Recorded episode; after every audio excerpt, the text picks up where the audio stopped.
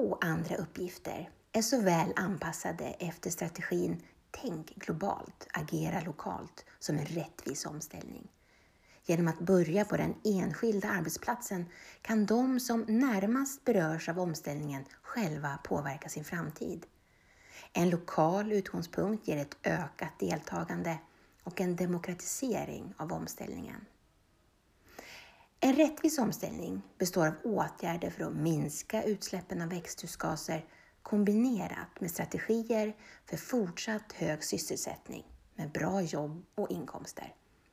Minskade utsläpp får inte ske till priset av att människor ställs utan jobb och inkomster och oron för att vissa jobb försvinner får inte vara skäl till att motarbeta klimatkraven på minskade utsläpp. Såväl klimat som sysselsättningsmål måste uppnås för att omställningen ska vara rättvis. Idag mötte jag Andreas Miller. Andreas är förbundsordförande på Sveriges chefsorganisation Ledarna. Ledarna organiserar 95 000 chefer på alla nivåer och branscher och man kan säga att de har fingret på pulsen på Sveriges chefer.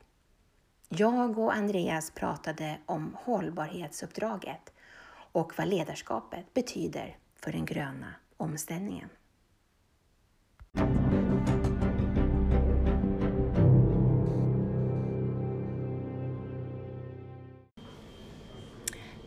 Andreas, ni har alldeles nyligen, tror jag, eller i alla fall nyss gjort en Novusundersökning där ni har undersökt chefer och ledars, ledares inställning till hållbarhetsuppdraget. Vad visar den?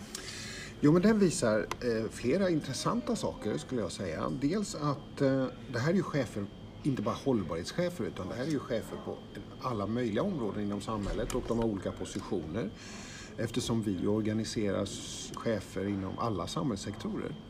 Eh, och då är det så, av de här så säger två av tre att eh, de har ett uppdrag att jobba med hållbarhetsfrågorna och det kan vi se en ökning. Det är fler chefer idag som har ett ansvar för hållbarhetsfrågorna. Mm. Eh, det som är mindre roligt i den här undersökningen, om man får uttrycka sig så, det är att sex av tio tycker det är mer eller mindre otydligt. Alltså man, det är fler som jobbar med det, men uppdraget kring hållbarheten har blivit otydligare. Mm. Det tror vi beror på att fler har fått i uppdrag att jobba med det här och vi inte riktigt har hunnit med i vad är det vi ska göra, vad är det för mål vi ska nå. Eh, sen kan man se att det finns bland de här cheferna ett stort sug efter kunskap. Kunskap inom klimatområdet. Och det som kanske sticker ut på ett sätt är kunskap om klimatsmarta arbetsplatser. Mm. Och det tror jag också är en bild av pandemin. Vi har suttit hemma mycket och jobbat, vi har inte pendlat, vi har inte så att säga, åstadkommit utsläpp på det sättet.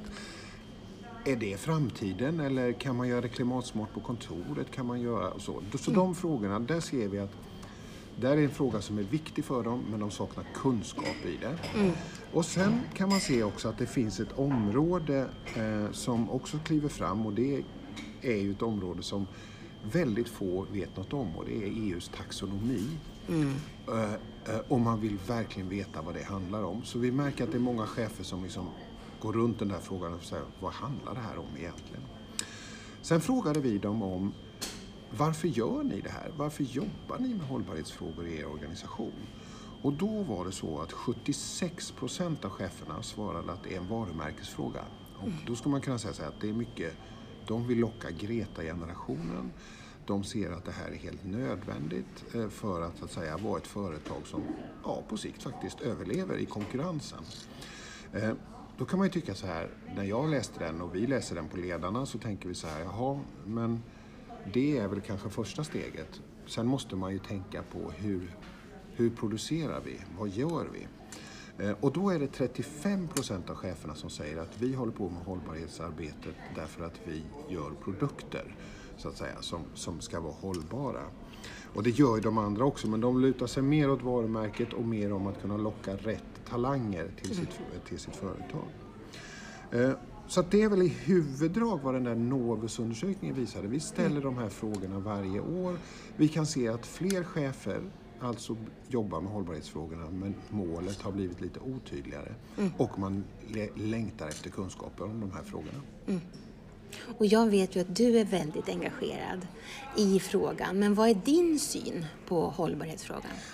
Ja, för mig är det så här att jag ser att chefen är helt central i den här omställningen. Vi måste ha ett ledarskap som dels kan peka på de positiva möjligheter som ett hållbart samhälle faktiskt innebär. Eh, men när man har sagt det så måste man också inse att vi, vi ser ju nu när vi pratar med chefer och tittar framåt att det kommer komma väldigt många målkonflikter framåt. Det som är bra på lång sikt kan vara väldigt smärtsamt kortsiktigt. Och där blir ju ledarskapet otroligt viktigt. Att kunna peka på de långsiktiga målen samtidigt som vi vet att just nu kommer det här svida lite. Vi måste göra om vår produktion. Vi måste tänka, ja, jobb kommer försvinna. Eh, jobb kommer förändras. Men det kommer också komma nya jobb. Och då är det någonstans den där, för mig är det ju så som ordförande för ledarna att här kommer ju cheferna vara oerhört viktiga att kunna fånga entusiasmen och energin samtidigt som det finns jättemycket och berättigad oro och vanmakt. Mm. Vad händer med mig? Vad händer med mitt jobb? Vad, vad, vad ja, vad ska hända? Mm. Och då gäller det liksom att hantera det som chef och ledare. Både att kunna ge energi men också förstå den vanmakt och den oro som kan uppstå. Och ur det så att säga, skapa en framåtrörelse. Så att ledarskapet är ju oerhört centralt och när vi engagerar oss i det här från ledarna så säger vi ju cheferna behöver kunskap, de behöver verktyg och ska de kunna göra ett riktigt jobb så behöver de ju rätt förutsättningar. Och då måste man se över sådana saker som gruppstorlek, hur många är du chef för? Vad har du för möjligheter? Vad har du för resurser? Har du tid för återhämtning? Har du tid för reflektion? För det här kommer också kräva mycket av oss, liksom, att reflektera över vart är vi på väg? Vart ska vi? Mm. Ja. Det är ju jätteintressant. Vi pratar ju inom, inom politiken väldigt mycket just om en, en rättvis klimatomställning, att alla måste med, en folklig förankring. Och i den här folkliga förankringen så handlar det ju just också om det här med tillgången till, till jobb och sysselsättning. Men också som sagt i andra vågskålen, rädslan för att faktiskt jobb försvinner mm. i omställningen. Mm. Så det är ju precis de frågorna som, som vi bara måste hitta ett svar på. Både, tänker jag, nationellt men också i en större kontext. Det, är ju, det, det handlar väldigt mycket om både globalt och på EU-planet också. Mm. mm. Ja, men vi har ju något inom partsvärlden i Sverige som heter Arbetsmarknadens EU-råd eh, där ju Svenskt Näringsliv, LO och PTK träffas kontinuerligt och jag sitter med där som ledarnas representant i, via PTK då. Eh, och, och då har ju vi, vi har ju pratat med flera europeiska ledare i det rådet och då är det klart att de lyfter ju upp the Green Deal, alltså den, den stora omställning som nu ska ske, den satsning man gör i återskapandet av, av, av EU eller återhämtningen efter mm. pandemin. Men då är det klart att den återhämtningen och den gröna omställningen, där måste också den sociala hållbarheten komma in. Precis. Vi får inte skapa ett samhälle nu där människor bara slås ut för att vi ska minska koldioxidutsläppen. Utan vi måste ju göra det här på ett sådant sätt att vi får med oss Skapar vi för stor social oro så kommer vi inte få någon acceptans för mm. de saker som vi måste göra. Så det är klart att det är, en, det, är en, det är en enorm utmaning både för politiken men också för chefer och ledare inom näringsliv och, och ja, offentliga verksamheter också. Mm. Om man tänker på, på Sverige då, den svenska modellen, så bygger ju den på förhandlingar och avtal mm. mellan parterna på arbetsmarknaden. Mm. Mm. Och eh, någonting som LO jobbar med, det är någonting som, som de kallar fackliga klimatavtal. Eh, hur ser du på det? Eh, alltså på, på avtal som man då skulle kunna teckna där man då pekar ut vikten av teknikutveckling och kompetensutveckling för att kunna klara av då netto nollutsläpp antingen på, på ett företag eller en, en sektor eller hur man nu ska välja att skära det. Det, det återstår ju att se. Men just det här med de verktyg man behöver, om det då handlar om teknik eller kunskap och vidareutbildning, eh, är ju helt avgörande. Mm. Så kan det vara en väg att gå? Det tror jag absolut att vi kan. Och vi på Ledarna har, innan vi har ett 80-tal kollektivavtal. Och jag vet att på bransch och avtal, som är vår avdelning som jobbar med det här dagligdags, det gör ju inte jag som ordförande, men Där lyfter vi ju nu, har lyft flera år faktiskt, att vi vill ha in mer gröna aspekter i kollektivavtalen.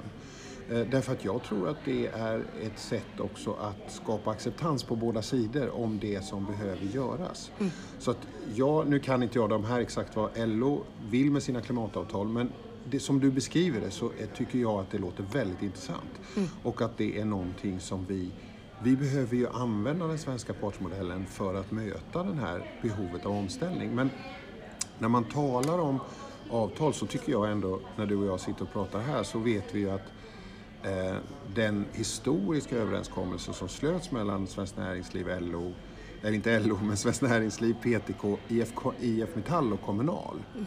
Den är ju helt central skulle jag säga framåt. Där är det ju fokus på kompetensutveckling. Det är fokus mm. på, inte det jobb du har, men anställningstryggheten ligger ju i att du kan ta ett nytt jobb. Mm. Och det är ju någonting som i klimatomställningen så kommer vi ju, det kommer kräva otroligt mycket av alla inblandade skulle jag säga. Mm. Och då måste vi ha en fungerande modell för att nej men det här som vi producerar ska vi inte producera längre. Då behöver du kompetensutveckla dig för att kunna ta nästa jobb med det vi ska producera. Och jag menar, jag har ju chefer nu på, ja, till, ta till exempel Volvo som är medlemmar i Ledarna, som ju har gjort bensin och dieselmotorer. Det har ju redan hänt nu. De har ju, flera av dem har ju fasats ut och behövt skola om sig för att nu är det andra typer av motorer som ska göras. Mm. Vissa av dem är ju inte kvar i branschen, de gör något helt annat. Så att det här, den här trygghetsöverenskommelsen eller LAS-överenskommelsen, vad vi nu kallar den, mm. och som regeringen nu eh, ska lagstifta för att den ska kunna bli verklighet. Det är jätteviktigt att vi får det på plats. Mm. Jag tänker avslutningsvis, mm. vad har du för förväntningar på politiken? Vad ser du för behov av nya verktyg eller reformer eller, eller satsningar som skulle underlätta arbetet med omställning?